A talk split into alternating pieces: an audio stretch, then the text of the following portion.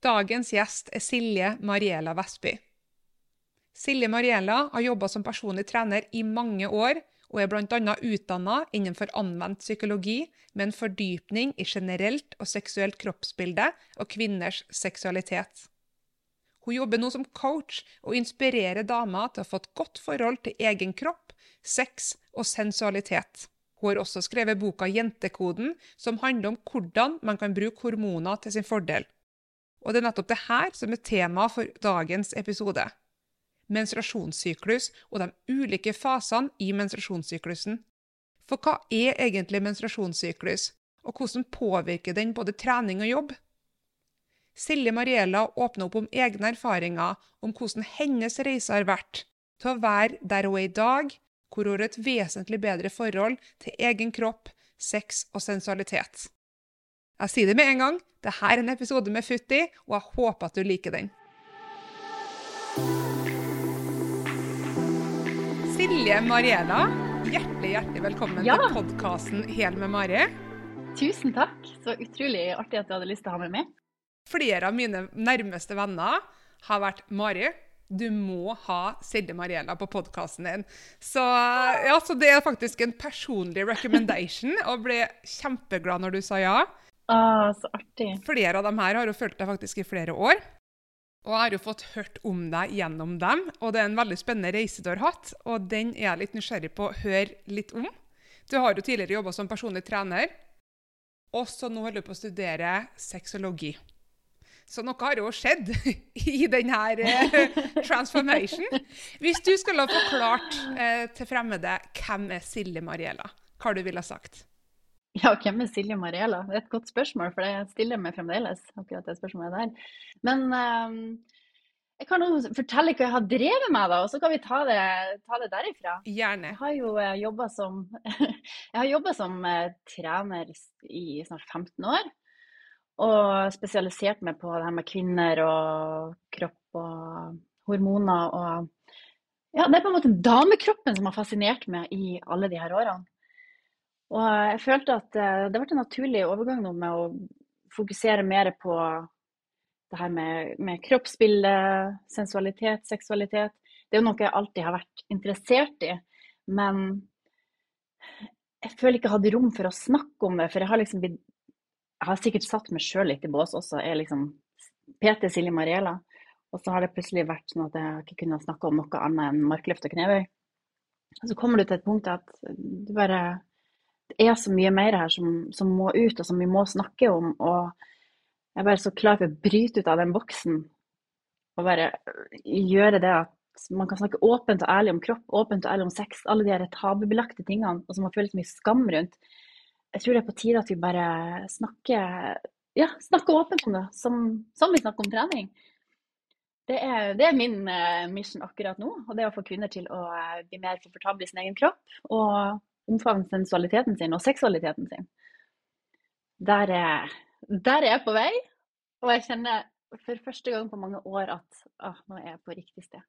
Det er en veldig god og deilig plass å være. Veldig.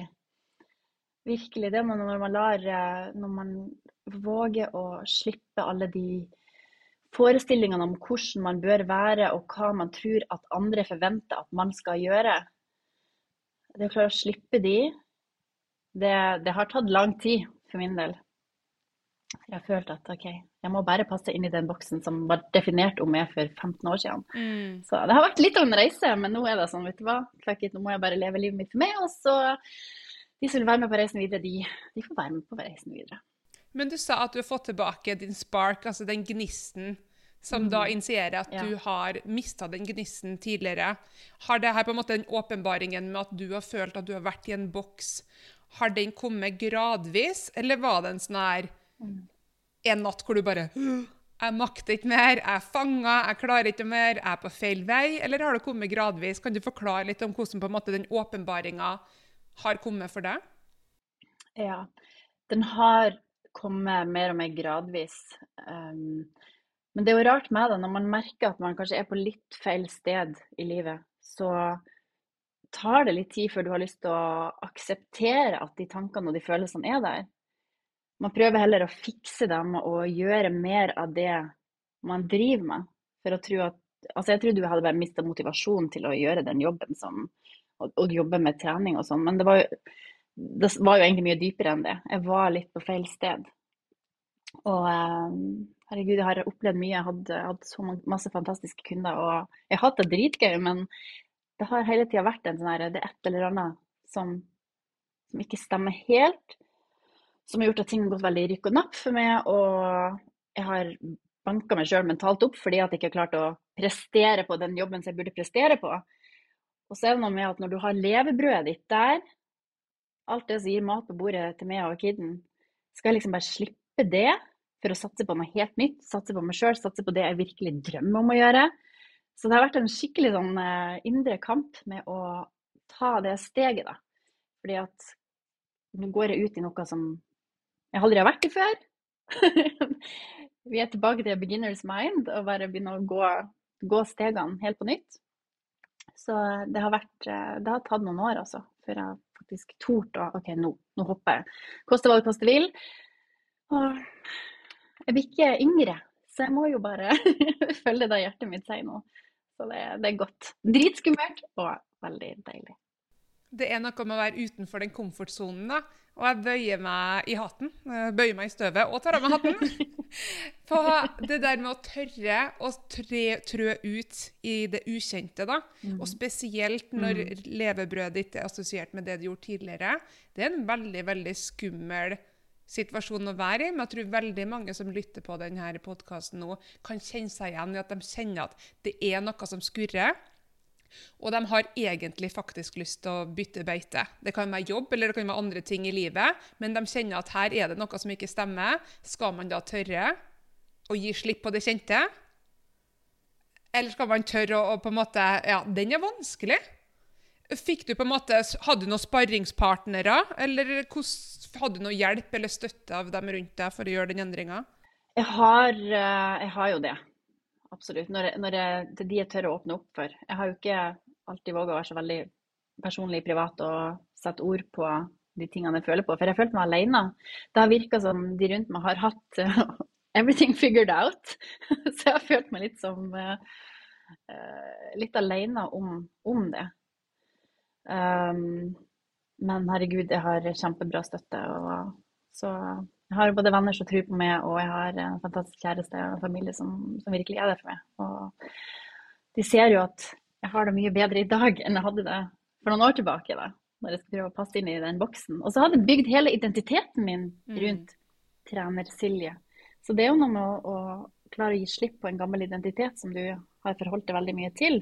For det har jo blitt en slags del av det. Så det er jo det er mange, det er mange ting som mange prosesser som skjer da, i en sånn eh, endring. Men du var litt inne på det, og sa jo det til en e-post til deg eh, i forkant av møtet vårt i dag. Så delte du noe i september om det, den der følelsen av at man er ikke der man tror man burde ha vært ved en viss alder, f.eks. Er det noe du kjenner ofte på? Jeg har kjent mye på det. Jeg har kjent mye på skam rundt det å ikke være der som jeg sjøl har forventa, men også som jeg har følt at samfunnet forventer at når du er nærme deg 40, så skal du ha alt. Du skal finne ut alt. Du skal ha et stabilt bosted, stabil jobb, stabil inntekt. Altså, alt skal være så fucking stabilt. Og livet mitt er jo alt annet enn stabilt. Så jeg har liksom kjent mye på at shit, hva er gærent med meg? Mm. Og så sammenligna jeg meg jo selvfølgelig med min yngre bror. Han er ti år yngre og har veldig mye ting på stell. og liksom eh, så det er klart at det man kjenner på det. Um, men jeg tror òg at det er flere Vi er flere der ute som, som, kjenner at nå er vi på feil sted. Og det som kanskje var riktig for ti år siden, er ikke nødvendigvis riktig i dag. Og det er noe med å, å faktisk åpne opp for å kjenne på at hva er det som, hva er det som skurrer? Hva er det her snakk om? Hvorfor føler jeg at, at jeg hele tida trår i motbakke? Og hvorfor føler jeg at jeg er litt på feil sted? Og, og, det er OK, vi trenger ikke dømme de tankene der. Noen, når du får den nysgjerrigheten for dem, det er jo da du kan begynne å se nye ting. Og det er ikke alltid du vil ha de svarene som kommer. For de kan bety at du må faktisk snu 180 grader på alt du har. Mm.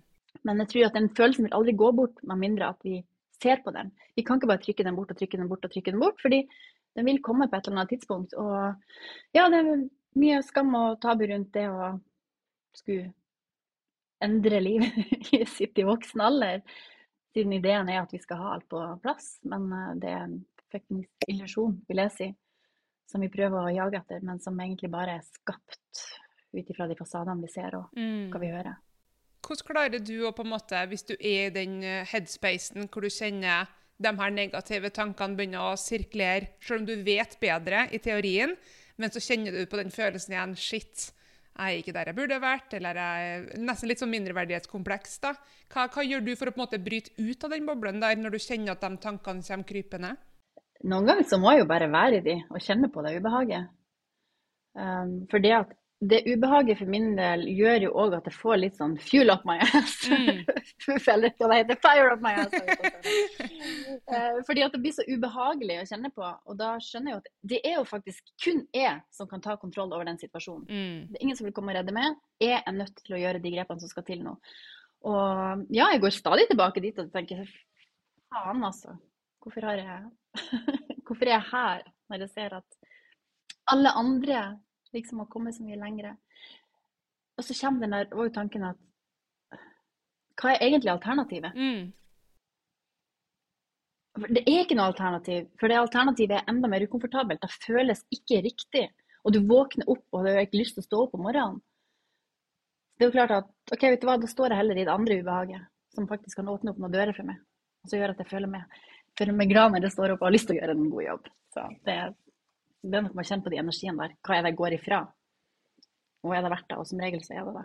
Fall, Jeg kan snakke for meg sjøl, men det har vært det for min del. Det der med å forstå at man må gi slipp på noe for å få noe annet. Og Vi snakka litt innledningsvis at jeg bor i Australia for øyeblikket. Og av og til så kan jeg få sånn akutt hjemlengsel. Og se på noen av de mine barndomsvenner som har på en måte, de gifta seg med nabogutten. Eh, veldig praktisk, istedenfor å gifte seg med en australsk mann. Eh, altså det, det er liksom så utrolig praktisk og flott. Og så tenker jeg herregud, hvor enkelt og fint altså Ikke at de har et enklere liv, men logistikken er jo litt enklere selvfølgelig når man eh, gifter seg med, med nabogutten og bor fortsatt der man har bodd. Du trenger ikke å finne en ny vennegjeng. Du må mest sannsynligvis ikke finne en ny jobb, for du har bodd der du har bodd hele ditt liv, etc., etc. Og så kan jeg kjenne litt på sånn her åh, Livet mitt føles ut som det er sånn her motbakke 24-7. Alt er nytt hele tida. Folkene er nye. Jeg har nesten ingen å være med, for vi har flytta så mye. Men så setter jeg meg i å tenke jeg har muligheten til å flytte hjem til hjembygda mi. Selvfølgelig kan jeg det. Men så kjenner jeg i meg sjøl men det er jo egentlig ikke det jeg vil innerst inn. Og det er da på en måte å tillate seg sjøl OK. Og forstå at ved at du velger noe, så velger du også bort noe. Og det er helt naturlig, og det må være rom for det. Og så må man anerkjenne sånn er livet. Um, og så må man også tenke, i hvert fall for meg som bor for øyeblikk i utlandet, jeg tillater meg sjøl å F.eks. hvis jeg har hjemlengsel, og har, da har jeg lov til å være lei meg én kveld. Da kan jeg grine og Ja. tenke at faen, det er vanskelig å være borte fra familie og venner. Jeg er ordentlig lei meg. Men så tenker jeg også det her har jeg valgt. Jeg er ansvarlig for mitt liv. Så i morgen skal jeg bli igjen. Men i dag skal jeg være lei meg, ha hjemlengsel. Og på en måte til anerkjenne de følelsene. da. Jeg tror det er viktig å få lov å kjenne på det. Og ikke nødvendigvis altså, Vi kan kjenne på det ubehagelige, men der jeg tror eh, det som gjør det enda mer ubehagelig, det er jo at vi legger masse lag oppå der igjen. ikke sant? Mm. Greit vi føler det ubehagelig der vi står i, og vi kan tvile litt på de valgene vi har tatt noen gang, men så legger vi gjerne noe lag oppå med at vi begynner å dømme oss selv. Og så dømmer vi oss selv fordi at vi dømmer oss selv, og så blir det en hel sånn eh, shitstorm. Skikkelig. I stedet for å bare, vet du hva, nå føler jeg meg skikkelig crap, og jeg tviler på alt jeg har gjort, alle valgene jeg har tatt. Men OK, det vil, det vil gå over. Bare man slipper, begynner, ikke begynner å legge masse tanker på der igjen. Da graver man seg lenger ned. Og det syns jeg er kult at du er åpen om, fordi det tror jeg er noe vi alle kjenner på. Og så er det så enkelt å måle seg med hverandre, spesielt på sosiale medier. sant ja? Og du Mm, har jo hatt en sosiale mediepersonlighet i mange mange år. Du har drevet med trening, og både i 2012 og 2013 så var jo på en måte PT var jo, Nå vil jo alle være influensere, men liksom i 2012 og 2013 så var jo PT liksom det største, eh, mest populære, i hvert fall på, i Insta-bobla. Så jeg vil tro det er veldig mange som har fulgt deg i mange år, som ser opp til deg, og som syns du får, se, får til usedvanlig mye. Nå er du jo coach, du har gitt ut en bok, 'Jentekoden'. Altså, Du er jo en girlboss med en rakett i ræva, som du sa sjøl. Um, og da også få høre fra deg at du har også dager hvor du tviler på deg sjøl, hvor du tviler på dine velg. For det glemmer vi nemlig. Vi tviler selv på oss sjøl og tenker at shit, jeg har det sånn og sånn. Og så tenker man ja, men Silje Mariella hun, hun har et helt perfekt liv. Men det er jo ingen som har det, så det syns jeg er så fint at du viser begge. Altså det mangfoldet av variasjoner av følelser og spekter, da. Ja, tro meg, det er mye av det. Og det, og det er sånn uansett hva man har oppnådd og fått til, så, så vil man alltid se på neste steg. Mm. Og så glemmer vi kanskje litt å nyte det vi har fått til, og der, det er jeg ganske dårlig på, faktisk. Det er sånn, Kjæresten min må minne meg på at eh, se, hva vi faktisk har fått til. Så ja. Så, men samtidig det er godt å ha den der driven, da, at man vil framover. Men det hjelper ikke hvis altså Du vil aldri komme dit du tror at du vil komme hvis at du ikke klarer å nyte litt av det du har, mm. har oppnådd nå. Det blir et konstant jag uten å destinasjon, egentlig. Syklus er jo egentlig paraplytematikken for episoden her. Men jeg har jo enda et spørsmål til. Apropos det med seksualitet og sensualitet, når vi på en måte nå var inne på det temaet. Så sa du at det er noe som du fikk mer og mer interesse for, eh, og du følte deg kanskje fanga før, mens nå føler du deg mer fri. Hvordan skjedde det?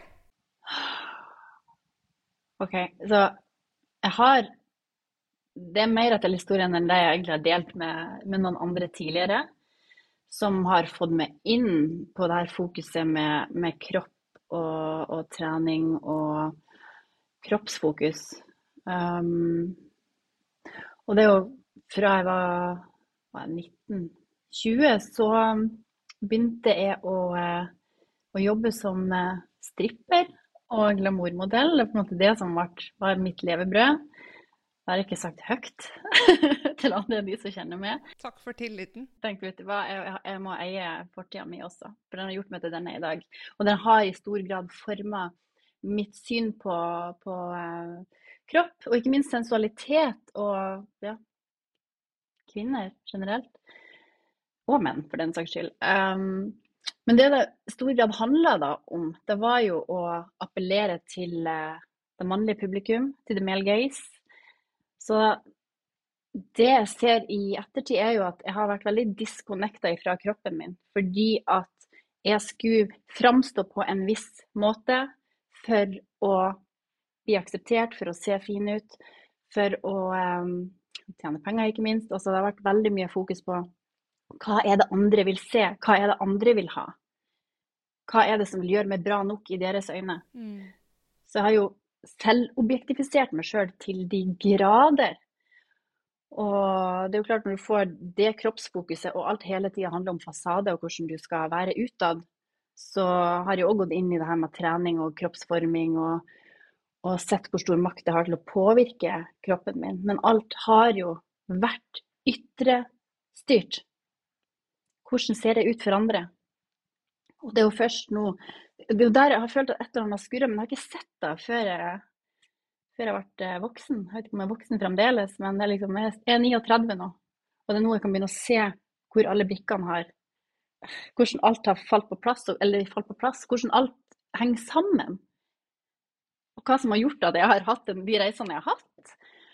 Og jeg kjenner nå at jeg har jeg har savna meg sjøl. Jeg har savna det å kunne være i min kropp og føle føle meg bra ut ifra hva jeg sjøl, mine egne preferanser er. Ikke ut ifra hva jeg tror at andre sine preferanser om meg er. Og det er fremdeles en jeg skal ikke si en kamp, men det er fremdeles en ting jeg står i.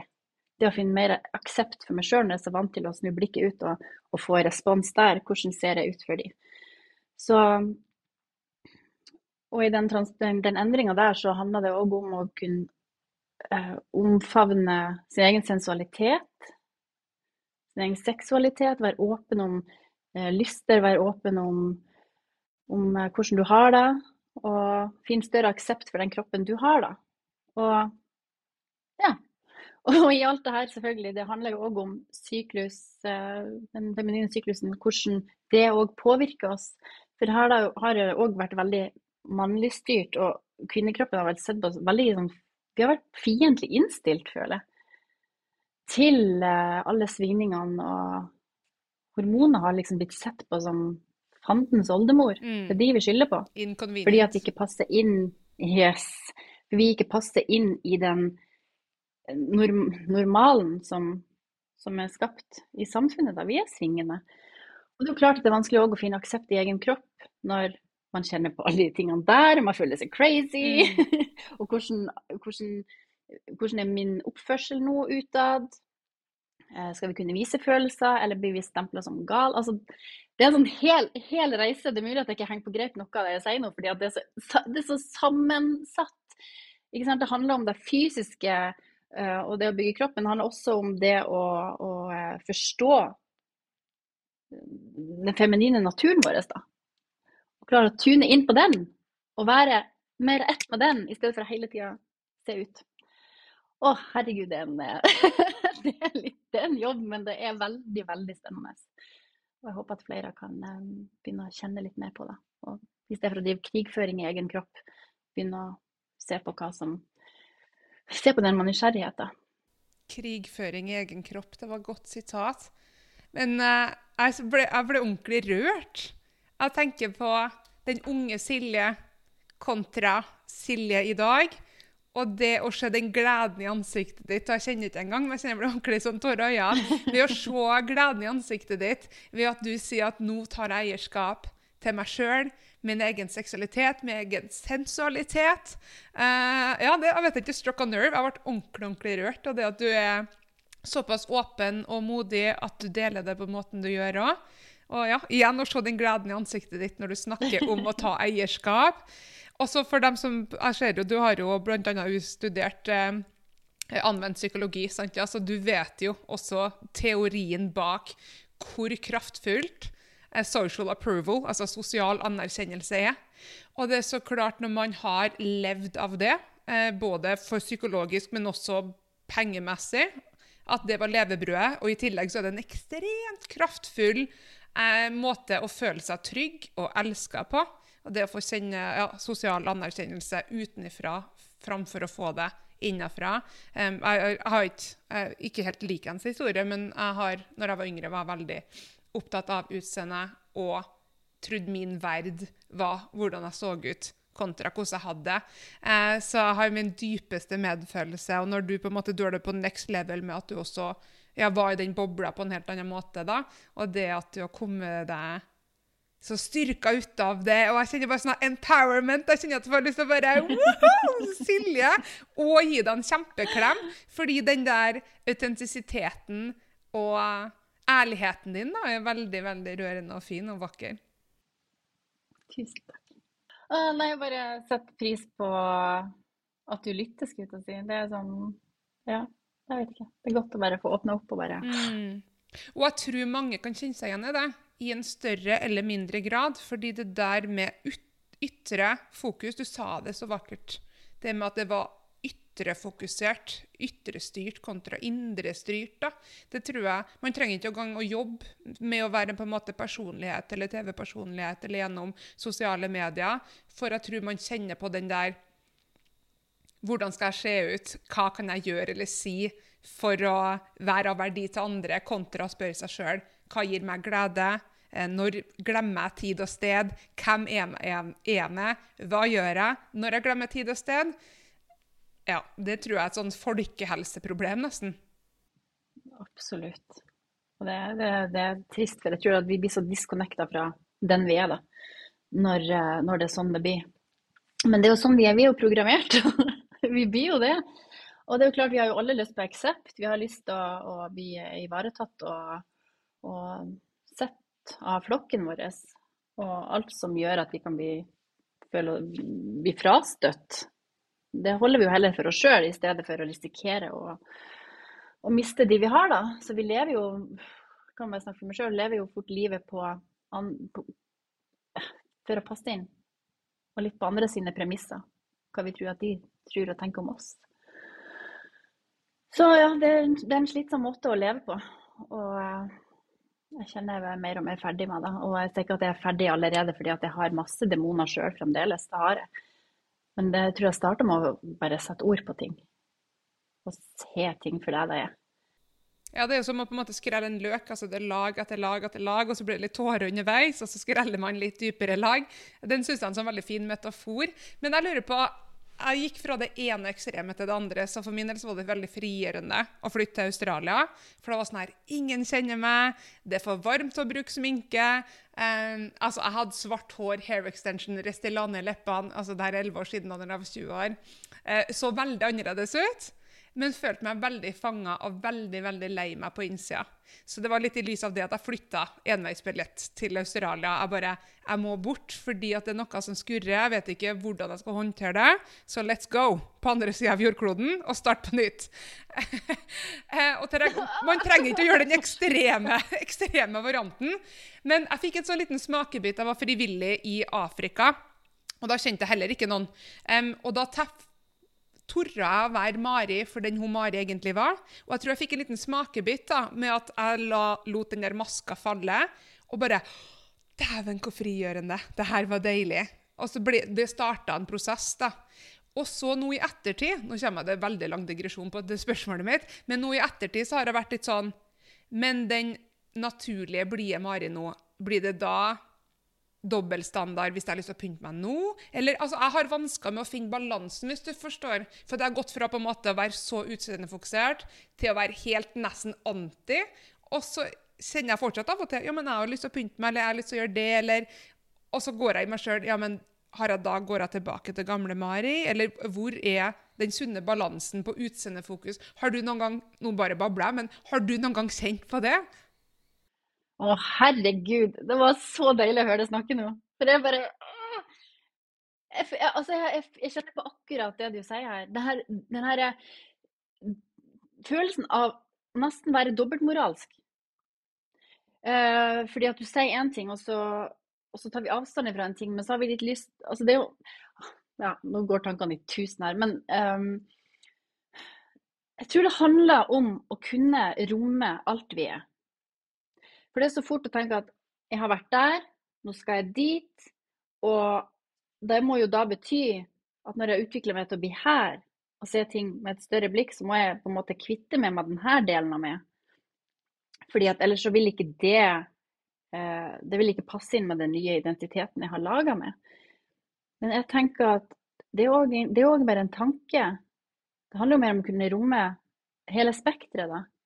Hvis pokker har du lov å både sette i Restylane og extensions og alt du vil i dag. Hvis du føler at det har du lyst til, men du har også den andre sida som, som, som, er annerledes. Det er, det er, sånn, det er et spekter her, da. Det er ikke bare at nå må jeg kvitte meg med det her og passe inn i den boksen her, for da har du, du har lagd en ny boks. Mm, ja, nettopp. Ja, det er akkurat, akkurat det. Altså, Tro meg, den nye boksen er så mye bedre, men det er fortsatt en boks.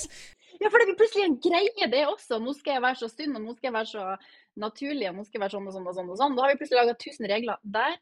ikke sant? Og da er vi fremdeles i, i samme fengsel. Det er bare at det ser annerledes ut. Vi har malt veggene, liksom. Så jeg tenker at når vi får de impulsene at nå har jeg lyst til å gjøre det, kan vi ikke bare gjøre det? Hvorfor skal vi dømme oss sjøl? For det betyr jo ikke at du går tilbake til å være den gamle deg. Du har jo all den erfaringa fra den dagen til i dag. Så du har alt. Og det her må jeg minne meg sjøl på også. så, så, eh, jeg tror mer vi klarer å, å bare akseptere at vi, vi, vi er personlig i Vi er stadig i utvikling. Og ja. Det er noe med, bare sånn Hvis jeg ser fortida mi, så har jeg jo dømt den veldig. Jeg har jo ikke snakka høyt om den omtrent til noen, bortsett fra de nærmeste. Fordi at jeg har følt at ja, Hvem var jeg? Silje 19 til å ta de valgene der, og hvor dumt var ikke det? og dødødødødø. Men nå er det sånn, vet du hva, det har gjort meg til denne i dag. Og det er jo den reisen du også har vært på. Ja, så hadde du den, din måte å være på da, som hjalp til da. Og så har du gått videre, for du fant ut at det var kanskje ikke all that. Du hadde lyst på mer. Nå kan du være alt, da. Mm. Godt forklart. Mine tanker. Jeg elsker det. Altså, jenter, damer, bort. Menn òg, for så vidt. Bort med boksen. Uavhengig om det er på en måte hvilken boks det er. og det, Når jeg leste på nettsida di, så forsto jeg det jo sånn du på en måte jobber ganske mye med å hjelpe kvinner gjennom den coach-rollen du har, da, med å på en måte få den lekenheten igjen, og det å på en måte føle at man har ansvar for seg sjøl og er empowered. Jeg mangler et sånn dårlig Det er ikke noe godt norsk ord for empowered, føler jeg, men det på en måte brytende boksene kan jo være for det er lov til å være begge deler. Du har lov til å se ut som en hjemløs liten gutt og se ut som en liten primadonna-diva dagen etterpå. For det er jo det som er artig. Det er jo den der, Apropos menstruasjonssyklus, at det endrer seg fra en dag til en annen. Vi må ha lov til å romme Ja, ja, det er akkurat det! Vi er, Av natur så er vi syklisk. Av natur så har vi lyst til å være rå og sexy og skulle si, slengt i veggen av kjæresten og rå sex den ene dagen, mens dagen etterpå har du bare lyst til å bare bli tatt på bare ligge under et pledd og bare ja, kose. Så vi er, vi er liksom alt. Du er ikke mer riktig her enn du er her. Og det tror jeg vi trenger å minne oss sjøl på, fordi ja, jeg vet at hjernen vår elsker å kategorisere ting. Men igjen, vi er jo Vi ender opp med å holde oss sjøl tilbake, da. Men det føler jeg er en veldig sånn fin intro og overgang faktisk til nettopp det der med menstruasjonssyklus. Um, jeg har jo hatt en veldig interessant reise sjøl, for jeg, jeg glemte jo hva mensen var. Jeg var sånn her What is period? For et og et halvt år siden. Jeg har vært på da hormonspiral. Har også gått på p-piller siden jeg var tolv år, fordi jeg hadde kraftig menstruasjon. da fikk, ja, Uten å gå i detalj for det. Det var ikke bra. Så de bare Ta p-piller, så reduserer du det. OK. så så jeg har aldri blitt sendt med kroppen min egentlig uten noe hormonelle påvirkninger. da. Og så slutta jeg for at UDI-en gikk ut på altså De varer jo fem-seks år, så jeg tok den ut for ett og et halvt år siden. Og i løpet av det siste ett og et halvt året så har jeg vært på en reise med altså egen syklus. Jeg har måttet google alt fra scratch, så derfor så lurte jeg på Kan vi ta det 100 steg tilbake, litt på barneskolenivå? Har du kunnet forklart oss litt hva syklusen er, menstruasjonssyklusen er, og de ulike fasene i syklusen? Ja, det kan jeg gjøre. Jeg tenker at vi, vi gjør det veldig enkelt. Noen liker å dele inn i fire. Jeg liker å dele syklusen inn i to for å få en forståelse av det. Du har eh, det som kalles for follik follikkelfasen, som er ifra du får menstruasjon og fram til eggløsning. Og det er på en måte den tida hvor østrogenet er på sånn stigende kurve, og så får du liksom testosteron på slutten her, som gjør at du eh, um, ja, Du er mer, ofte mer på i den perioden der. Litt mer sånn ja, kreativ, starter starte prosjekter. Du er sterkere på trening. Du, um, du har kanskje en litt annen personlighet og måte å være på. Mer utadvendt denne perioden her, fra mens og fram til eggløsning. Og etter du har hatt eggløsning, så endrer hormonene seg litt. Så det kalles for lutealfasen, og det varer fram til neste blødning igjen. Og det er jo eh, en eh, periode som hvor progesteron er litt mer eh, inne i bildet. Litt lavere østrogennivåer. Og det gjør gjerne at man noen går inn i det her sånn nesting, nestingfølelse, hvor man egentlig prøver å lande de prosjektene man har stilt, stelt i stand her. Her er den sprudlende gale, og her er de som Når du skal få ting litt mer på jorda igjen. Um, man er gjerne litt mer rolig og litt, går litt mer innover i den perioden. Um, treningsmessig eksempel, så føler du deg gjerne svakere denne perioden, og du svetter mer. Og du har mer cravings gjerne. Um, og mange merker jo når det nærmer seg menstruasjon, så uh, følelsene kommer jo litt mer, sånn, litt mer ut på kroppen. Uh, og det er faktisk en tid hvor det er ekstremt fint å, å reflektere innover. Og se på livet sitt. Og se på uh, hvilke endringer er det man trenger å gjøre. For det, det kommer veldig mye ærlige følelser fram da. det er ikke alt man har lyst til å se på, selvfølgelig. For det er samme følelse at det er jo mye man har bare lyst til å skyve unna, fordi at det passer ikke inn i det livet vi har. så det er liksom de to fasene der, da. Den mer sprudlende og um, flørtende fasen, og så har du den litt mer sånn rolige og, og chille-fasen. Og selvfølgelig, PMS er jo en ting som dessverre er en stor del av livet til mange kvinner, da. Og det skjer jo som regel en uke før menstruasjon, hvor ting kan være litt mer ustabilt. Og særlig hvis du har hatt mye stress i livet ditt, så vil den uka være ofte gjerne heftigere enn hvis du har hatt en, en rolig periode. Så menstruasjonssyklusen påvirkes, og, og hormonproduksjonen påvirkes i stor grad av hvordan vi har det, og stressnivåene dine, og øh, maten vi spiser, tankene vi tenker. Så den er ikke sånn satt i stein, for den, den, den endrer seg hele tida. Så Når begynte du å fatte interesse for syklus? Syklusen Jeg fatta interesse for den det var når jeg drev med det her trenings, eh, treningsprosjektene. Ja, så tidlig? Så liksom at det en Ja.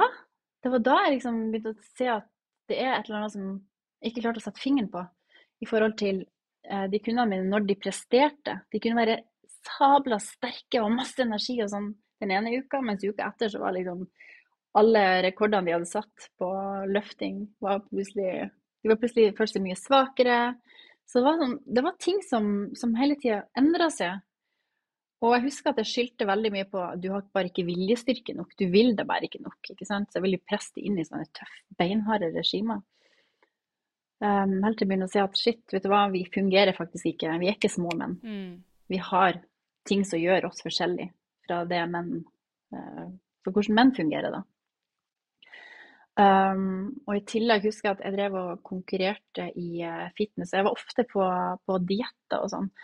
Og jeg husker jeg for og skulle ta en sånn DEXA-scan for å sjekke um, fettmassen min. Hvor lav fettprosent jeg hadde fått. Og de bare, når de fikk resultatene på de, så sa de bare du, du klarer vel at du må begynne å tenke på beinmassen din her. Jeg hadde fått en reduksjon av beinmasse i ryggsøyla. Det var det den greia viste meg. Og de ga meg ikke fettprosenten min. Så jeg var ganske pissed på de for at de hadde tatt tak i det her med beinmasse, som jeg overhodet ikke var interessert i. Mm. Um, men da skjønte jeg at ok, men det er et eller annet her som jeg kanskje må se på. Og det er jo klart at det er jo en korrelasjon der mellom, eh, mellom eh, beinhelse, altså da snakker jeg om eh, skjelettet ditt, og hormonene dine. Så det er klart, det var, det var flere ting som bare gjorde at Silje, du må begynne å se på det her. Du kan ikke bare lukke øynene nå.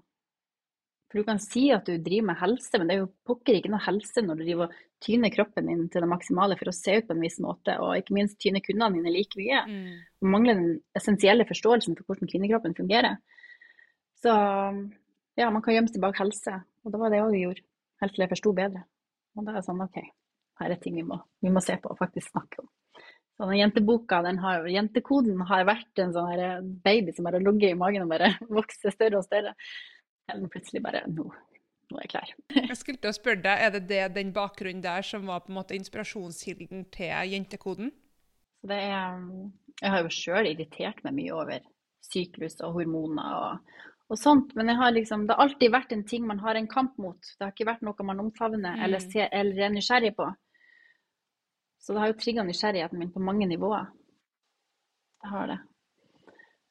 Større aksept for seg selv når man faktisk forstår hvordan ting henger sammen. Mm. Hvilke endringer har du gjort med tanke på trening, da? Eh, Med tanke på syklus? Jeg har eh, som regel Jeg merker det så tydelig nå, hvordan kroppen fungerer i follikelfasen kontra lutealfasen. Og i follikelfasen så merker jeg at jeg tåler mye mer, jeg kan pushe meg mye mer, jeg er mye sterkere.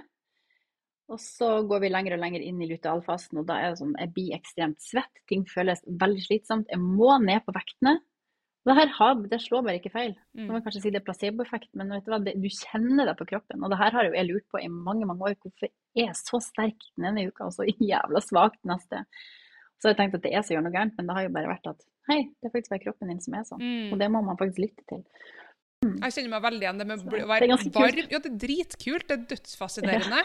Og når man ikke på en måte tracker det her altså For det første vet man ikke. Og man ser jo litt det på interessefeltet. VG skriver om det her nå, Adresseavisa skriver om det her. eh, Du ser det overalt på sosiale medier. Så det er veldig interessant at så mange kvinner og jenter og damer nå ønsker å på en måte ta eierskap til egen kropp for å forstå det, og kunnskap er jo makt. Og så mange av oss har bare ikke visst det. Og så har vi kjent ting, som f.eks. jeg jeg òg blir veldig svett og varm siste del av syklusen. Men jeg har aldri på en måte skrevet det i dag, dagboka mi, så i dag var jeg svett, og så har jeg på en måte tracka det først nå når måte det finnes apper. så er jeg sånn her, ah, det er derfor, ja. Og basaltemperaturen går jo faktisk opp eh, rundt uh, ovulation, hva heter eggløsning eh, på norsk. Så for dem som på en måte føler seg veldig varm rundt den tida, så er det 100% normalt. Veldig mange damer har det. Og det er så deilig på en måte å få høre det, for at man tror kanskje, kanskje man er redd for at man blir dårlig, eller at det er noe galt med seg sjøl. Æsj, jeg er ekkel og svett. Hva er det som skjer? Jeg var ikke det forrige uke. Så den der eh, syklusen, at det går i så bølger, og bølger på liksom en måned, da, 28 dager gjennomsnittlig, superfascinerende. Veldig. Og når du har den forståelsen, så, så føler vi oss ikke så feil. Vi går ikke og liksom dømmer det som skjer, dømmer de følelsene som kommer, dømmer det at vi er svakere en dag, eller at vi har masse cravings. For det er sånn, ok, vet du hva, det er sånn fysiologien vår fungerer. Og du får en større aksept. Og når du um, Det å begynne å tracke syklusen, da, når du merker de her ulike symptomene, få det inn i en kalender. Mm. For du vil etter hvert kunne se at hei, det er faktisk et mønster her. Nettopp. Det er så kult. Veldig. Da har du allerede en mye mer intuit med kroppen din og hvordan du føler det til ulike tider, og hvorfor du føler sånn som du føler da. Og så må jeg bare si én ting. Det er så fort å tenke at det er bare hormonene dine hvis du er skikkelig premenstruell og sånn. Men husk at alt det som kommer opp, det er ting du ikke skal bare kimse av og si at det er bare hormoner. Eller ikke la noen fortelle at nå er du premenstruell eller nå har du mensen. For det, det er reelt, det du føler på. Det er helt reelt, og det, du skal få lov å, å, kjenne på det uten at vi bare må dytte deg bort med å si at du er bare premenstruell. Det er legit, så, så kjenn på alt du kan føle på, og sett ord på det. Det minner meg om noe hun forrige gjest min sa i podkasten, Anneli Mjøen. Hun sa det med mhm. sunt sinne. da. Sunt sinne er handling. Og det er jo det kanskje de PMS-tankene kan være òg. Det er noe som ikke stemmer. Jeg er irritert på det her. Og så kan man kanskje ta et dypere dykk med at Kanskje er det noe som faktisk ikke stemmer, kanskje er det urettferdighet på jobb, eller det er noe som ikke er helt riktig i forholdet. Og som ofte så bare føyer du det, eller børster det under eh, bordet, liksom. Mens, men under PMS-en så er det kanskje tålmodigheten er litt lavere, så det bare bruser opp. Men det kan være noe realitet i det, da. Og så må man selvfølgelig ikke. Jeg, min, jeg sa jo til deg, Silje, at jeg har jo da min første dag med blødning i dag, så veldig sånn betimelig den podkasten her. Og så satt han mannen min satt og spiste middag mens jeg satt og tok notater til podkastepisoden. Og jeg bare Faen, går det an å spise så jævlig høyt? Jeg holdt på å klikke. Det er sykt irriterende. Og det bruker jeg egentlig ikke å tenke Altså, for en uke siden så har jeg ikke tenkt over, men jeg bare stirra på han da, for jeg syns han smatta så høyt. Så altså, hvert fall, min tålmodighet er jo ikke enorm uh, under menstruasjon, men det er veldig spennende å se Nei at det der på en måte varierer så mye fra en uke til en uke, da. Det gjør det. Det er Til glede og frustrasjon, kan man vel si, men, eh, men det er klart. Men, men, se på de tingene. Og så er det mm. etter hvert å lære seg, selvfølgelig, og i stedet for å eksplodere, så kan man jo prøve å ta det litt ned på jorda. Hva er det det her egentlig handler om? Hvordan følelse ligger bak følelsen? Og så prøve å um, sette ord på, på, mm. ting. Til en partner, da, f.eks. Der må jeg øve med, men jeg føler at det begynner å bli bedre. men kan du bare gjenta igjen? Så det starter med det follikelfasen. Og er det første dag ja. med blod? Er follikelfasen? Det er ja. Første menstruasjonsdag? Det er det. Ja. Mm, og da mm. den til og med eggløsning, og så starter lutealfasen. Ja. Og i den fasen så sa du at østrogen går litt ned, og progresjon går opp. Ja, Altså, du får en dipp i østrogenet. Det vil komme litt uh, på toppen igjen sånn ca. en uke før mens og sånn. Men, uh, og da kan, ja. Men uh, det er på en måte det som Du kan si det sånn at østrogen styrer follikelfasen. Progesteron er den som styrer lutealfasen, da. Ja. Så du har på en måte de to hormonene å forholde til, skal vi gjøre det veldig enkelt. Så har vi litt testosteron her på, på midten. når du kjenner at du blir Når du er ekstra sånn uh, on the lookout. Uh, du kjenner sexlysten begynner liksom uh, på stigende kurve. og ja. Så det kan være perfekt f.eks. å legge dating til den, den eggløsningsfasen. da. De dagene rundt eggløsning. Fordi at du er, du er mer på. Vi ser jo òg at menn ofte er gjerne mer tiltrukket til damer i den fasen der også.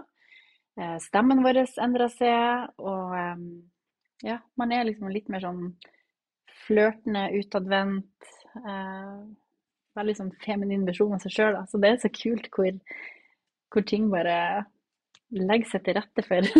ja, altså det er jo biologi. For å sitte her han, Jeg har hørt en kjempeinteressant podkast med Huberman forleden dag, faktisk. Og han sier alltid sånn 'Biologi er vakkert', sin på engelsk. Og bare preacher det. I second that. Biologi er kjempevakkert, fordi det her er jo naturens gang. Og så blir det sånn her, ok, Hodet får med seg hva som skjer, og så blir man bare kjempefascinert. Sånn som det du sier med eggløsning, at man blir litt mer i frampa, kanskje føler seg litt mer lysten, men også mer sånn sprelsk og leken. Og så leste jeg også en plass at man kan se faktisk forskjell i utseende, altså man får mer plump skin, fordi at biologien hva skjer når vi har eggløsning? Jo, vi er fruktbare, vi er fertile. Eh, damer da, eh, kan potensielt få barn i løpet av de her dagene. De varer vel fem til seks dager. Og naturen bare Let's make you sexy! Plump skin, struttende lepper, struttende nipples og bare Hei, hei, boys! Altså, At naturen gjør det der Ja, men Det er så kult. Det er helt amazing. Og så kommer du til alfasen og bare dodraugen, liksom. Ser ut som en liten rosin i ansiktet, inntørka, har forstoppelse, har ikke gått på do på tre døgn. Alt går til dundas.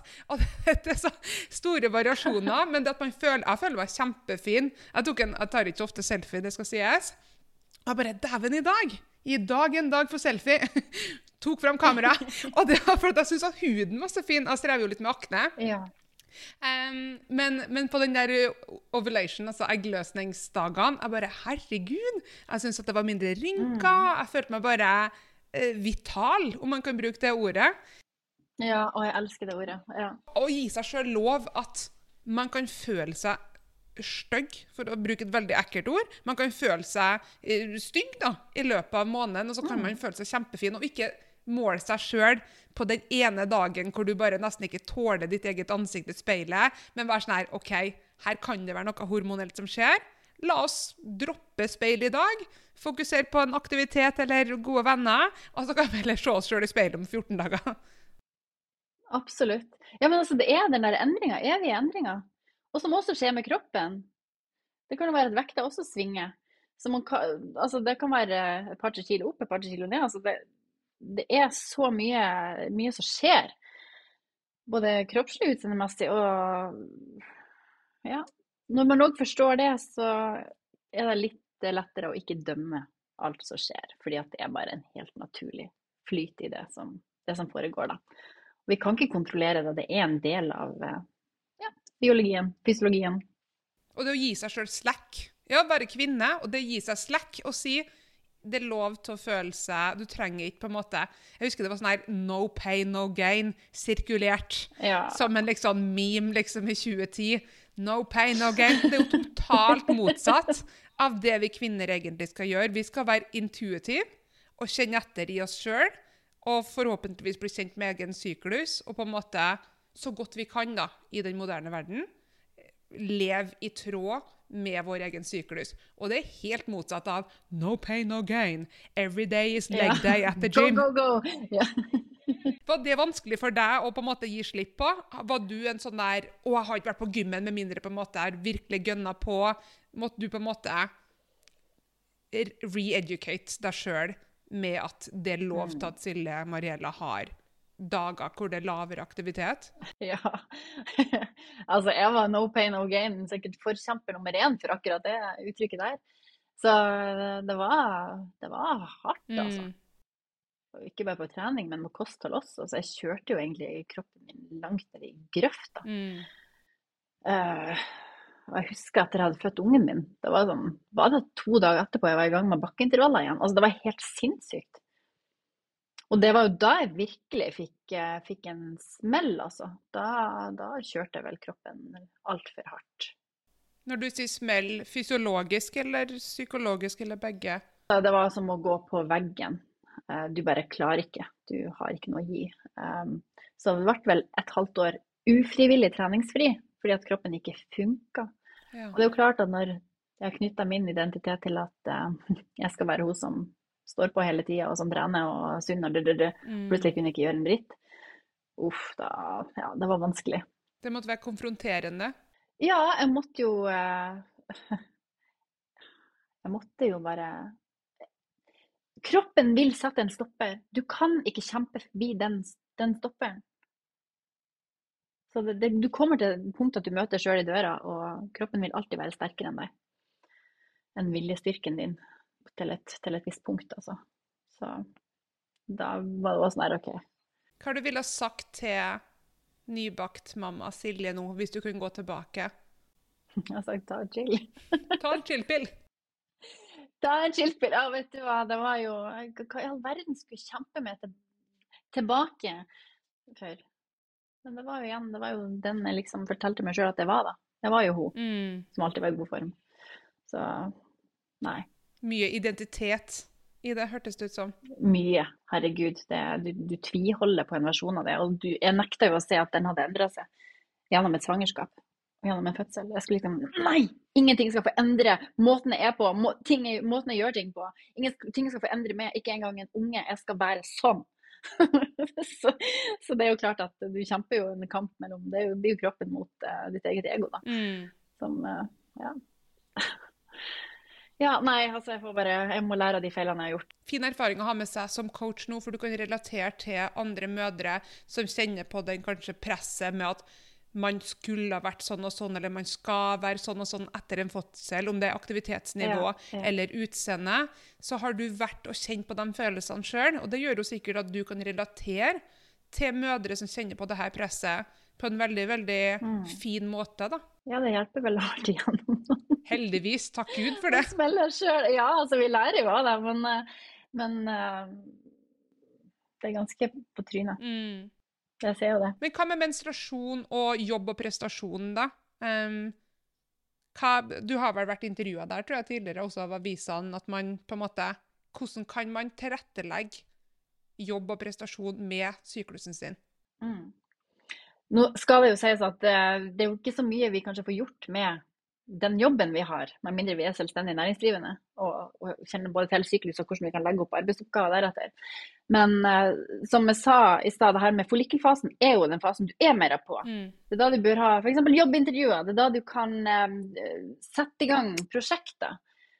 Man er ofte veldig kreativ, da, så det kan jo fort bli at man kaster masse baller opp i lufta. Og så, og så må man prøve å lande de på et eller annet sted på andre sida. Men, men um, det å eh, Jeg tenker, skal du be om eh, lønnsforhøyelse, ta med å gjøre det i den, eh, den, det vinduet du har i den eggløsningsfasen. Slutten av forlikelsesfasen.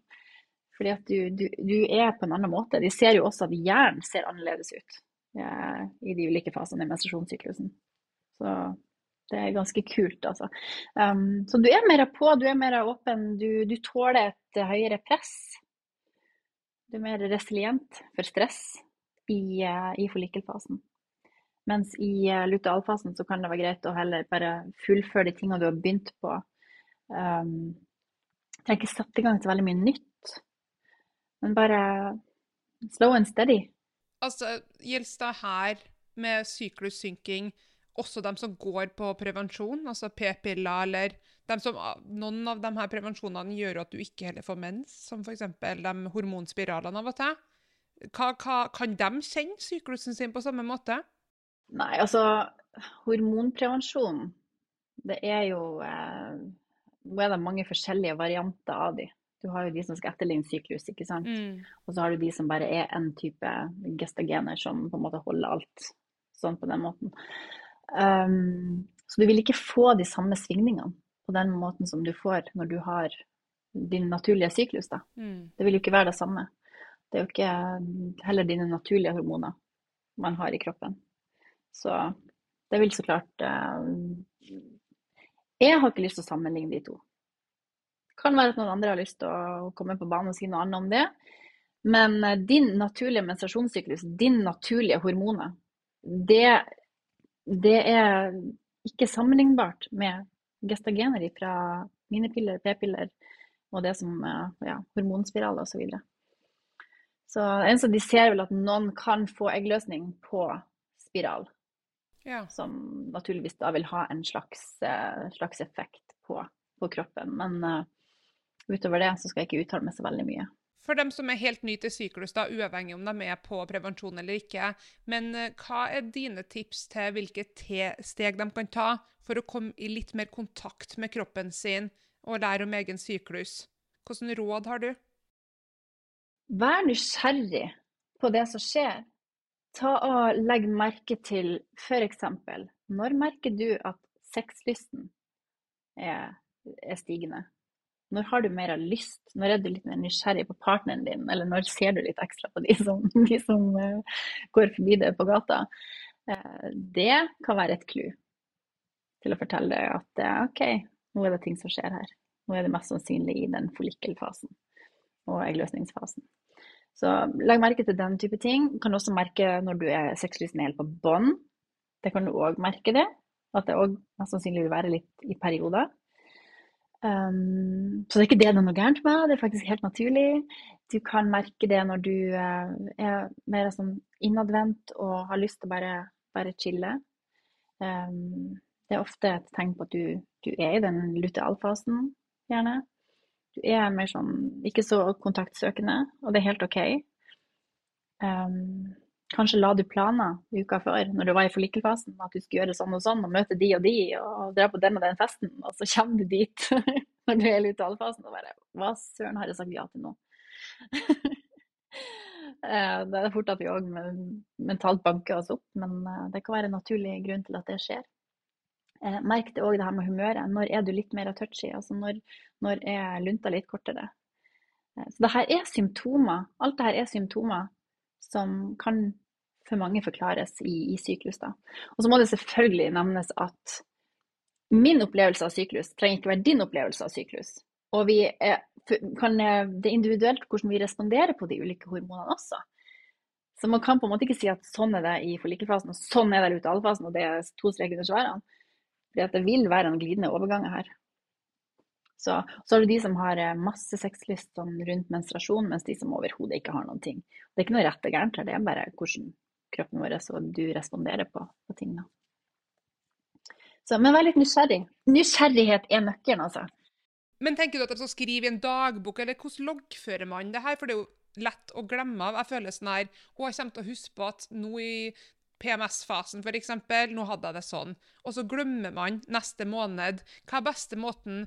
Anbefaler du at folk bruker en app, eller at man bruker et Excel-ark, dagbok, eller hvordan gjør man det i prak praksis? I praksis. Personlig er jeg veldig glad i apper. Sånn, når du merker en eller annen at jeg er ekstremt edgy, ekstremt nærtagen, ekstremt kåt uansett, så kan jeg bare mm, hake av for det i den appen. For da vil jeg kunne se at hei, det er en hysterikk her. Ja, det er en perfekt måte å gjøre det på. Ja. Eh, det er kjempeartig. Det klarer jeg ikke. ja, det er faktisk det. Etter hvert, etter tre måneder, så har du faktisk informasjon. Ja, ja, ja. 100 Og jeg blir jo sånn her mm altså Det er så artig å loggføre data, da, for du blir kjent med deg sjøl. Og det her er kanskje den helsenerden i meg som kommer ut. Er sånn her Oi! Forstoppelse! Må putte den i appen! Og han mannen min bare i alle dager Kåt! Putt det i appen! Masturbering! Jeg sendte faktisk en skjermdump til venninna mi. Hva var det det sto? Nei, hva sto det? Du er ofte dårlig humør på tirsdager men loggfører ofte onani på onsdager. Og jeg bare Yes! Endelig er det onsdag! Sånn, jeg vet ikke hvor nyttig den, eh, måte, akkurat den dataen på den appen min var. Men det er på en måte, jeg har jo fordøyelsesproblem. Eller jeg har trodd jeg har hatt fordøyelsesproblem. Og så lærer jeg også om det der Jeg husker ikke om det er progresjon eller østrogen. Men det er en av dem som i hvert fall påvirker ja. kanskje det begge også, som påvirker fordøyelsessystemet vårt noe voldsomt. Og som ofte gjør at vi blir constipated, altså at vi får eh, Hva heter det på norsk? Ja, blir forstoppa. Forstoppa, ja. ja. Riktig. Eller, eller, det motsatte. Eller det motsatte. Og jeg bare Oi! Det er jo kjempefascinerende. For der har jeg sånn genuint faktisk trodd, for jeg har også laktoseintoleranse, så jeg prøver å navigere det territoriet med hva, hva er hva, på en måte. Og så at de hormonene mm. påvirker faktisk det kvinnelige fordøyelsessystemet i en så stor grad. Det var sånn her Wow, kjempeinteressant. Mm. Ja, ja, ja det er mange merker spesielle utfordringer i slutten av, i slutten av lutealfasen. Midt i eller slutten av lutealfasen. Ok, At det gjør at det enten blir det ene eller andre, men at det er en endring? Ja. ja. ja. Vil det si at det, det er uka, tida før mens? Før menstruasjon, ja. Og når du har menstruasjon Ja. også. Det er noe som kalles for pro som, som kan påvirke, påvirke akkurat det her. Ja. Så, men det er, kjempe, det er kjempeinteressant å se. Mm. Og apropos, jeg har jo Jeg posta jo i går at du skulle på besøk i dag på podkasten. Og det her var også en ny rekord faktisk i antall meldinger som kom, så jeg tenkte vi kan ta en eller to spørsmål fra lyttere. Og det er tydelig da at menstruasjonssyklus er noe som fenger. um, og den ene her spørsmålet er Hvorfor blir man så dårlig og føler høyt stress under eggløsning? Jeg har lest at dette skal være den beste tiden. Igjen, kjempeindividuelt kan man oppleve der. Men eh, sånn på selve eggløsningsdagen, så er det mange som erfarer det at de er ganske trøtt. Det kan gjøre litt vondt i den eggstokken som slipper egg den dagen, og at man er litt redusert. Så akkurat selve eggløsningsdagen kan være en utfordring for flere. Um, og det kan jeg også uh, si sjøl. Uh, I tillegg så kan jo mange merke også dagen etterpå at de er litt mer nede. Akkurat som ikke, ikke deprimert, men litt mer sånn depressiv tankegang. Litt mer sånn ja, frynsete i følelsene, da. Um, om det er det skiftet i hormoner som skjer da, eller eksakt hva som kan påvirke det, det, det tør jeg ikke å si. Men, men um, igjen, stress, stressende perioder, vil påvirke eh, syklusen din, vil påvirke hormonene dine. Stresshormoner vil jo hijacke eh, kjønnshormonene dine. Progesteron og, og østrogen. Så du kan jo ta og se på hvordan livet har vært de siste tre månedene. Se om det kan forklare noen ting. For kanskje har du da hatt perioder som hvor du ikke opplever at eggløsning er på den måten der. Um, men jeg tror det er, veldig, det er et veldig viktig spørsmål, fordi at vi blir hele tida fortalt, og jeg har jo fortalt her også i podkasten at eggløsningsfasen er liksom gull og glitter og helt fantastisk. Men akkurat på den dagen så er det mange som opplever litt utfordringer. Så det kan være på en stigende kurve hvor du er både liksom på og alt føles bra, til å plutselig få en liten sånn dipp, da. Så, mm. Og du har jo det om follikelen driver og lager mye av østrogener og sånn også. Og når, slippes, når alt slippes ut, så er det klart at du får en, en dipp. En hormonell dipp rett etterpå. Jeg så faktisk en YouTube-film av den forlikkelen her. Um, og det er jo nesten som en liten syste uh, som, som bryter gjennom et lag. Em, og det er veldig interessant, for at veldig mange får den der feberfølelsen. For da har du den der uh, eggløsningstemperaturen, altså basalkroppstemperaturen vår går opp. Så kanskje når, i og med at vedkommende skrev 'jeg føler meg syk', så kan det hende at hun kjenner på en varme, f.eks. Og jeg har også ekstremt smerter rundt egg- eggløsning. Um, så det er mittelschwerz, eller et sånt tysk ord for det. Ja, det er samme. Ja, Ja. jeg har nettopp lært om det. Og jeg bare Jeg har mittelschmerz. Og for jeg var sånn her What's wrong with me? For jeg trodde kanskje jeg hadde syste på eggstokkene. For det var ekstremt vondt, men det gikk over. Og jeg har delt litt om det, og det er veldig, veldig mange har lest mye om det. Og det som du sier, veldig mange opplever faktisk å kjenne at nå er det eggløsning. Jeg kjenner at noen har smerte enten på høyre eller venstre side på en av eggstokkene, og kjenner Det gjør ordentlig vondt, da. I tillegg så blir man urven i kroppen, varm kan bli. Så det er jo som du sier, det er stor forskjell Trøtt. fra Trøtt. Ja. Ja. Absolutt. Men så, så kan det være en periode du ikke kjenner noen ting. Så alt henger sammen, da. Hvordan du har det, hvordan omstendighetene dine er, hvor godt du tar vare på kroppen din, hvor godt du mestrer stress. Altså alt spiller inn på opplevelsen. Men eh, ja, jeg må bare si det er ekstremt viktig å sette ord på at eh, eggløsning kan være tøff den dagen for, for mange. Men det er veldig viktig, interessant poeng det du sa med at hvis man logger, da, la oss si tre måneder, så kan man kanskje se hvilken livsstil man har hatt de gangene hvor man ikke føler eggstokksmerte, f.eks. smerter eh, på eggstokkene rundt eggløsning. Har det vært f.eks. mindre stress i den syklusen? Har det påvirka?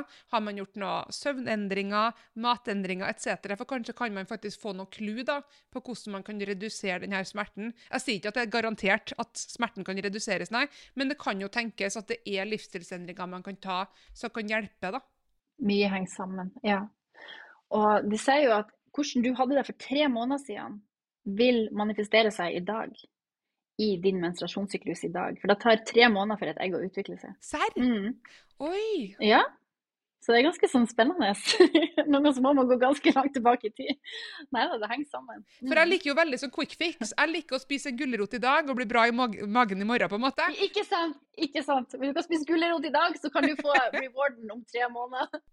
Men det er faktisk veldig inspirerende, Silje. Det skal jeg ta med meg. At, uh, at man blir påvirka faktisk ja, så lenge i ettertid, da.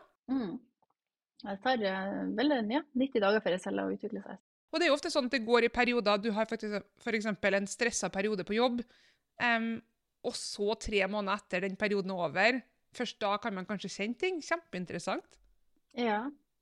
Altså, alt, alt som skjer i dag, alt du har i dag, er jo en forsinka eh, manifestering av det som har skjedd tidligere. Mm. Eller manifestering, eh, forsinkelse av det som har skjedd tidligere i livet ditt. Da. Så det er jo sånn det er òg når man skal komme i form. Du kan spise salat i dag, men du får ikke resultatene før om noen måneder. Nei, sant. Det er et veldig godt poeng.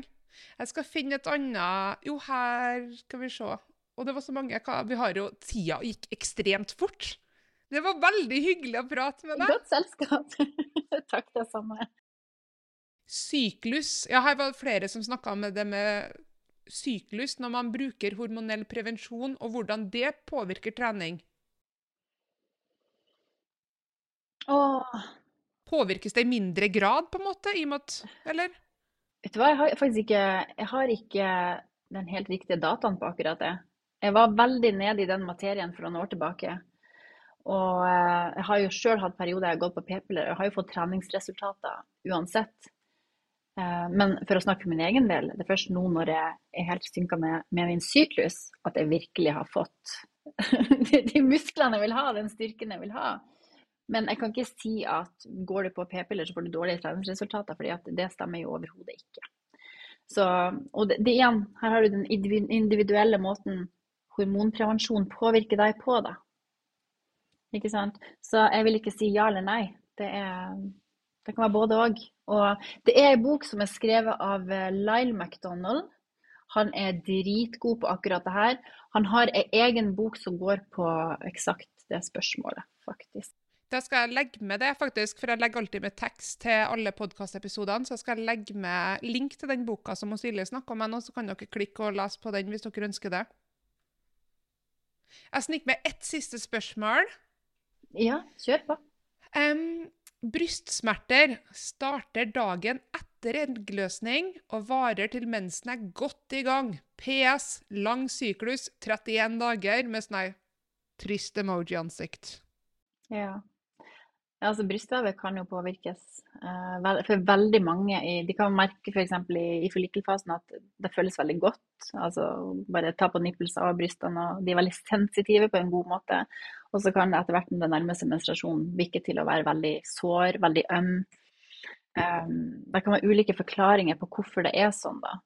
Uh, hun som heter Jolene Brighton, en ekstremt dyktig uh, hun er lege, gynekolog. Eh, jeg er usikker på eksakt tittelen hennes, men ta og følg henne på Instagram. Hun har forklaringer på absolutt alt man skal lure på av syklus. Til og med hvorfor eh, det her med brystene også. Eh, hun snakker jo nok om det her med østrogendominans versus progesteron. Når det er en ubalanse der, mm. så kan det forsterke det med ubehag i brystvev, f.eks. Men det er, som, det er ikke alle som har det. Så følg henne, for der får du alle de svarene på de, de, spørsmålene der som man lurer på. Hvorfor ting er sånn som det er. Fordi jeg kan sitte her og si at det kan være sånn, det kan være sånn, det, kan være sånn, sånn, sånn. det kan være mange mm. grunner til at ting skjer. Um, og noen av oss er skapt sånn at man blir mer sensitiv. Og det er ikke noe feil det heller, men det er veldig vanlig å se i, i den uttalefasen at det blir ømmere. Jeg legger med link også til hennes Instagram i teksten under. Det må du ta og gjøre. Hun er helt Hun er dritkul. Har så mye bra informasjon også, som virkelig er verdt å få med seg. Hun vet hva hun snakker om. Så kult. Hun ser det helheten, da. Hun ser ikke bare alt det medisinske, hun ser helheten med, med livsstil, ja, alt. For det var et av mine spørsmål nå når du har begynt å studere sexologi. Hvordan har det påvirka eh, ditt syn på helhetlig helse og, og kvinnen som en helhet? Å, herregud. Det bare kribler i magen når du spør om det. OK. Så det her med oss kvinner, det å klare å connecte til den seksuelle delen av oss, det er en del av det å faktisk være hel. For det er så mange deler i oss, selv. det her med nytelse, det her med kropp, det er så mye skam. Det er, så mye, det er ikke plass til det i, i hverdagen. Vi er så okkupert av eh, stress og ting vi skal gjøre, at vi glemmer å gå innover og kjenne etter hvilke behov har vi, hva har vi lyst på, hva er deilig, hva er nytelse. Altså, jeg tenker vi må få mer nytelse inn i livet. Så det er vel noe av det aller, aller viktigste jeg har tatt meg med fra nå, det er å klare å integrere den, den seksuelle delen av deg da, i deg som menneske. Det er ikke bare en convenient ting man gjør i starten av et forhold og ellers bare opplever som plikt. Det er faktisk en del av den, det mennesket du er. Og det er vel det som Amy Goodhard sier Good, Goodhard? Ja, Amy Goodhard, som har skrevet bok som heter 'Girl on Fire'. Hun sier jo det at uh, jo helere du er som et seksuelt vesen, jo mer tilfreds vil du være som menneske også. Så det er når man klarer å integrere alle de delene av oss som er oss. Du er ikke sånn eller sånn, du er alt. Og det seksuelle.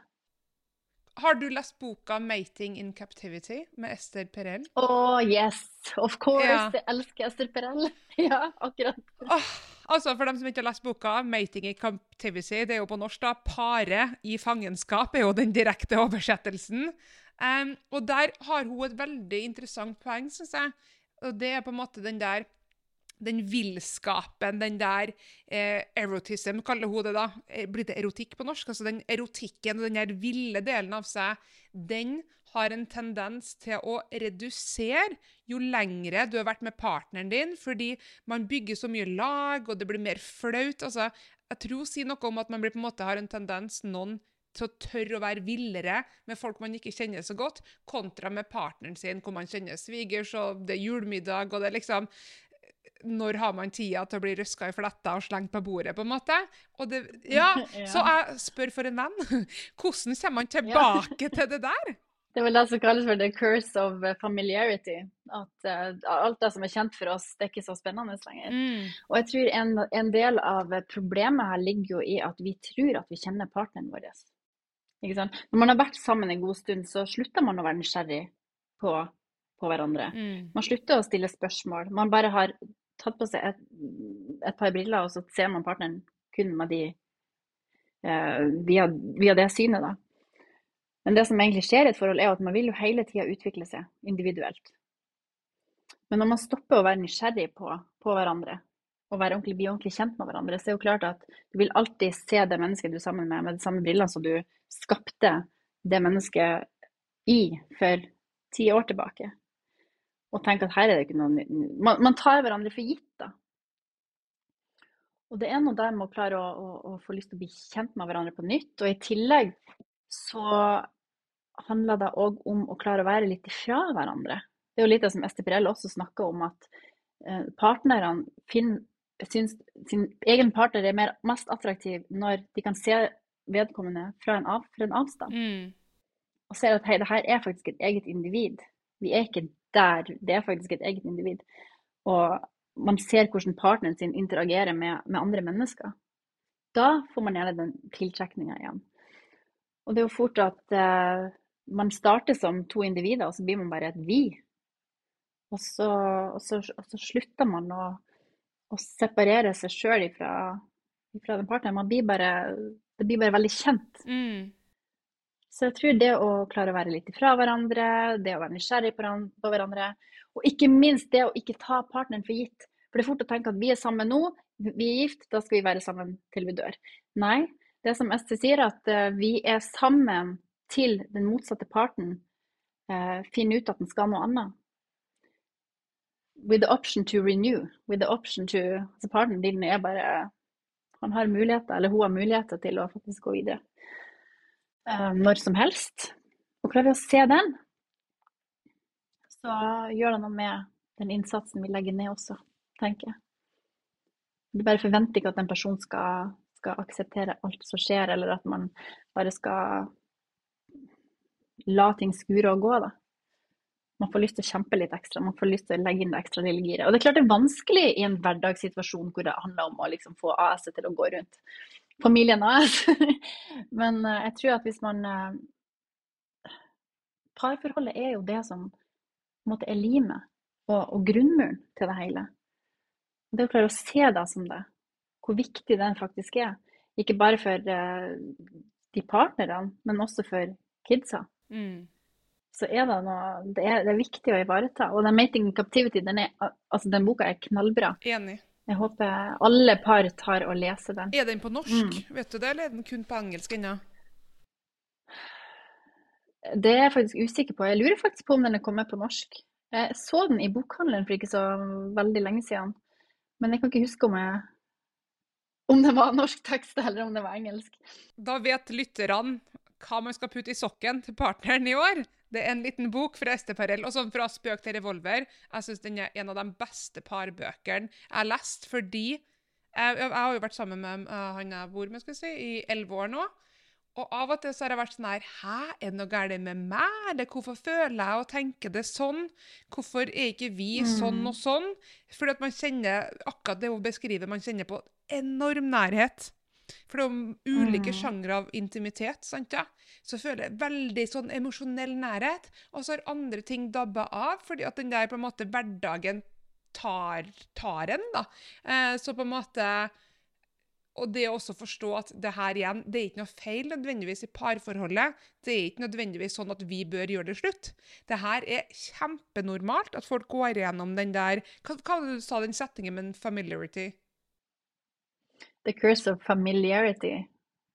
Altså, hva, blir det på norsk, da? Det med kjennskapen? En slags forbannelse over kjennskapen. Ja, fordi at alt som er nytt og spennende, så new shiny new objects, det er jo noe vi alltid bare å, er kjempenysgjerrig på.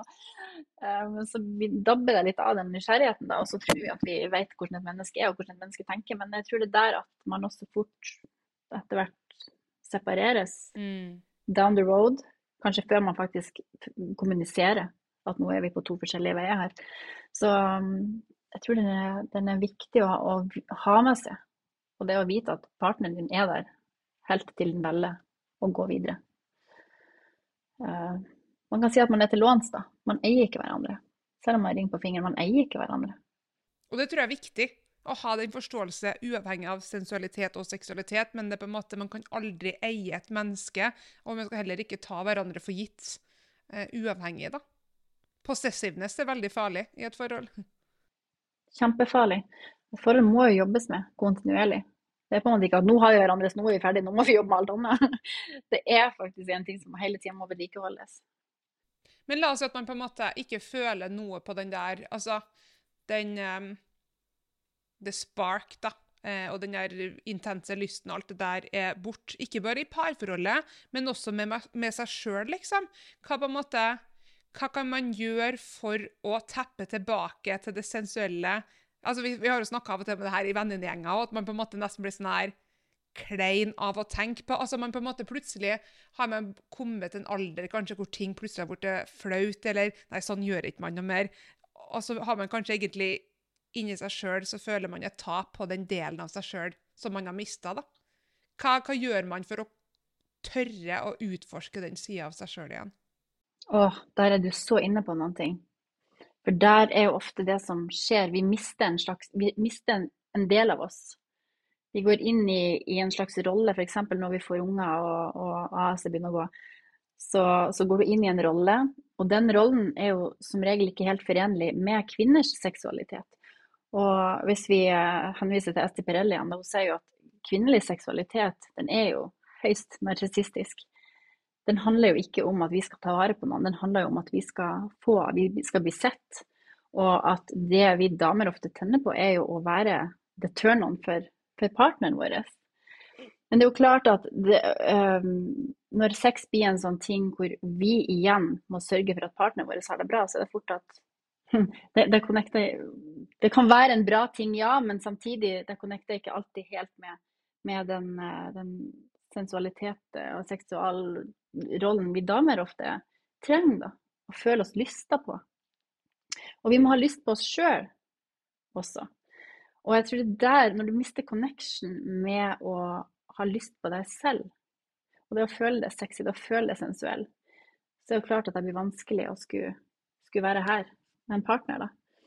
Så uh, hva det er hun sier? Hun sier at uh, spørsmålet vi må stille oss sjøl, er hvordan tenner jeg meg sjøl? Og hva, hvordan slår Altså, um, må prøve å sitere her. Uh, how do I uh, how do I turn myself on, and what how do I turn myself off? Enn å tenke hvordan skal jeg tenne partneren? Tenk på hvordan skal vi tenne oss sjøl? Hva som gjør at vi føler oss på? Det er det, det, er jo det mye av det handler om. Og igjen, her har vi ytre fokuset. Da. Vi fokuserer så mye på hvordan skal ting være der ute, men vi må faktisk starte med oss selv.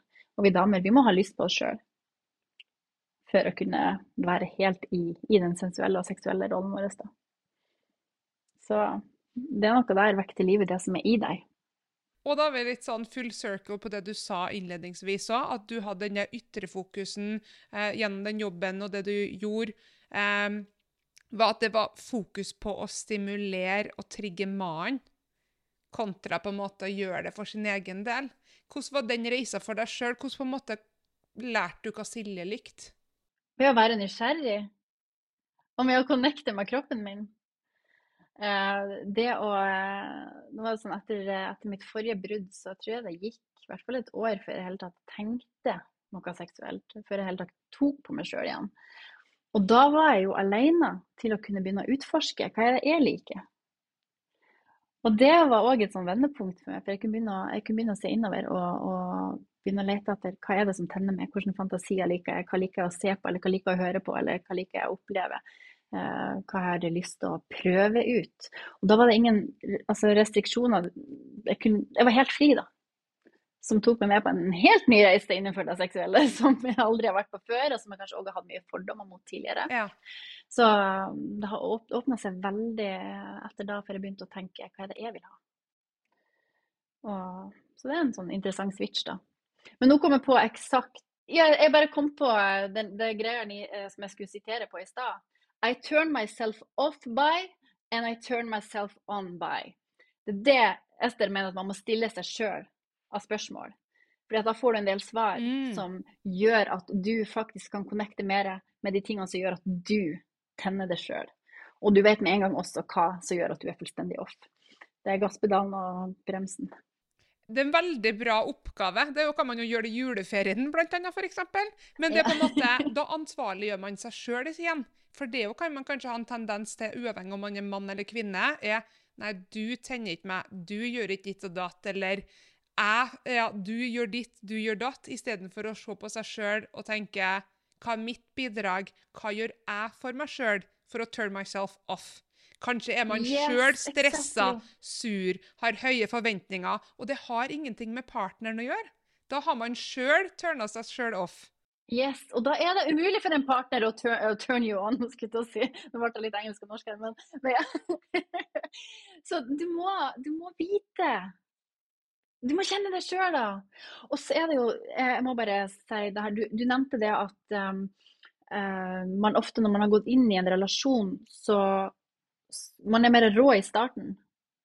Når det er ingenting på spill, mm. på en mm. måte. Men straks når du har gått inn i relasjon, så er det plutselig mye, mye som står på spill. Så hvis du da uttrykker en ting som er tvert imot av det partneren din kan akseptere eller uh, kjenne, så er man jo redd for avvisning. ikke sant? Man er redd for å bli dømt. Man er redd for å og føler skam på det man har uttrykt. Og at man holder ting, og fantasier kanskje spesielt, og ting man har lyst til å prøve, man holder det for seg sjøl. Og det er, jo, det er jo I et parforhold så bør det være rom for at man skal kunne kun sette ord på ting. Og være åpen, også om det seksuelle. Eller så ender det til slutt med at jeg har mitt hemmelige liv her, mm. partneren min har sitt hemmelige liv her. Fordi at vi, vi vet ikke om vår partner tåler det vi har å komme med, da, eller det vi fantaserer om, eller det vi har lyst til å prøve ut. Så da lever man to litt separate liv da, på det seksuelle. Og det er jo klart at det vil jo også skape en disconnect mellom to parter. Så, eh, men det er klart, som jeg sa, når det er noe som står på spill, så er det fort at vi lukker oss sjøl for å ikke bli avvist. Og, og, det er jo naturlig, men samtidig holder det i lengden. Jeg vet ikke. Veldig godt forklart. Og da er det jo tilbake til det med helhet. Altså, hele mennesket er jo også den delen av seg sjøl, hvor man har lyster, fantasier. Sant? Ja, da, det å embrace hele seg, Absolutt. som denne podkasten handler om. Når du snakka om at du på en måte teppa tilbake i hvordan du fant din seksualitet og sensualitet, det minte meg om en film jeg så i sommer, faktisk. Det var en svensk film. Jeg husker ikke tittelen på den, jeg må finne den igjen. Men hun eh, gikk gjennom et samlivsbrudd, og hun var en småbarnsmor. Og så kjøpte hun sin første vibrator. Har du sett den filmen? Å, det er et eller annet som Ja, jeg tror jeg faktisk jeg Og så blir hun liksom Livet hennes går så bra etter å kjøpe den vibratoren. Hun blir i så godt humør, hun gjør det bra på jobb, hun bare eh, får så mye futt, da. Og sånn helt sånn seriøst, Jeg for rett på kondomeriet og kjøpte meg en womanizer, for jeg tenkte sånn her Ja, det skal jeg prøve! Er livets første womanizer, inspirert av den svenske filmen. Men den var, det var, minte meg litt om din historie på at hun bare Det, det måtte noe dramatisk til da, for at hun skulle teppe inn i det. Så hun, i den filmen så gikk hun gjennom et samlivsbrudd og, og mista seg sjøl i rollen som kone og som mor. Det var liksom ingen rom til å på en måte være seksuell eller sensuell. Man skulle alltid bare på en måte sørge for at alle rundt har det bra, og det siste man orka, var å på en måte ja, fikse med seg sjøl, på en måte. Ja, ikke sant. Ja, man, man, mister, man mister den delen av seg sjøl veldig fort. I hvert fall når alt handler om alle andre, og man hele tida er ytre, ytre styrt.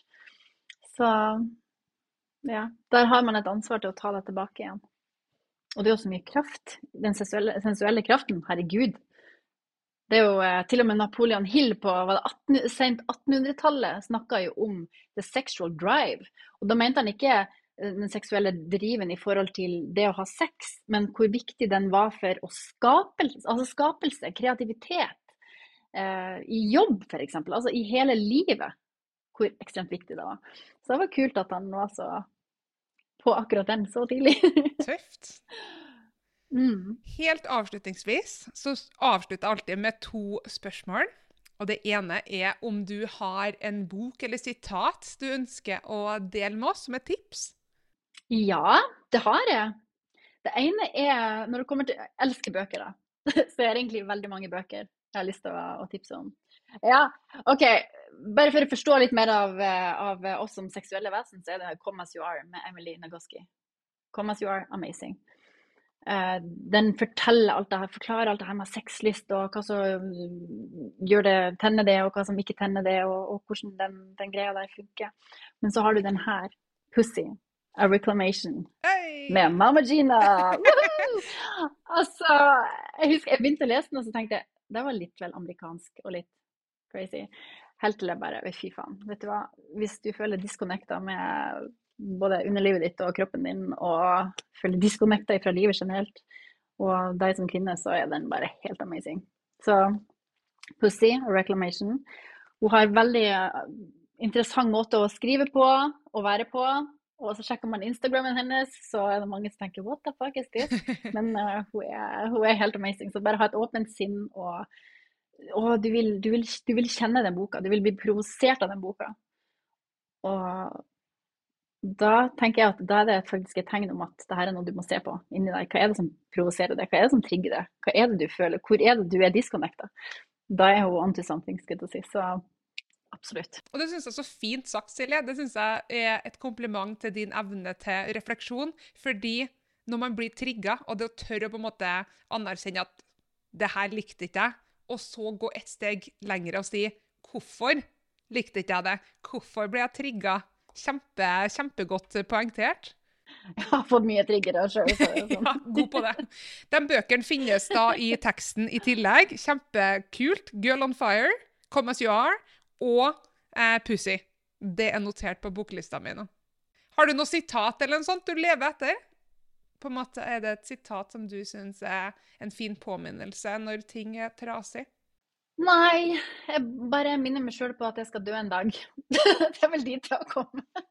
Men du, det er, godt, det, det er godt og kraftfullt poeng, fordi da trenger ikke man 'don't sweat the small stuff', som de sier i Australia. Altså, det er Det går over. Enten så går det bra, eller så går det over. Den syns jeg også er fin. Ja. Ja, absolutt. Så jeg tenker, Vi vet ikke hvor lenge vi har igjen. Man aner ikke. Og når man ser på verden i dag, så er det sånn OK, vet du hva, livet kan faktisk snu i morgen. Mm. Så jeg har tenkt så mye sånn å, jeg må planlegge nå for hvordan ting skal være om ti år, ikke sant. Men det sånn, nei, vet du hva, du vet ikke om du har de ti årene engang.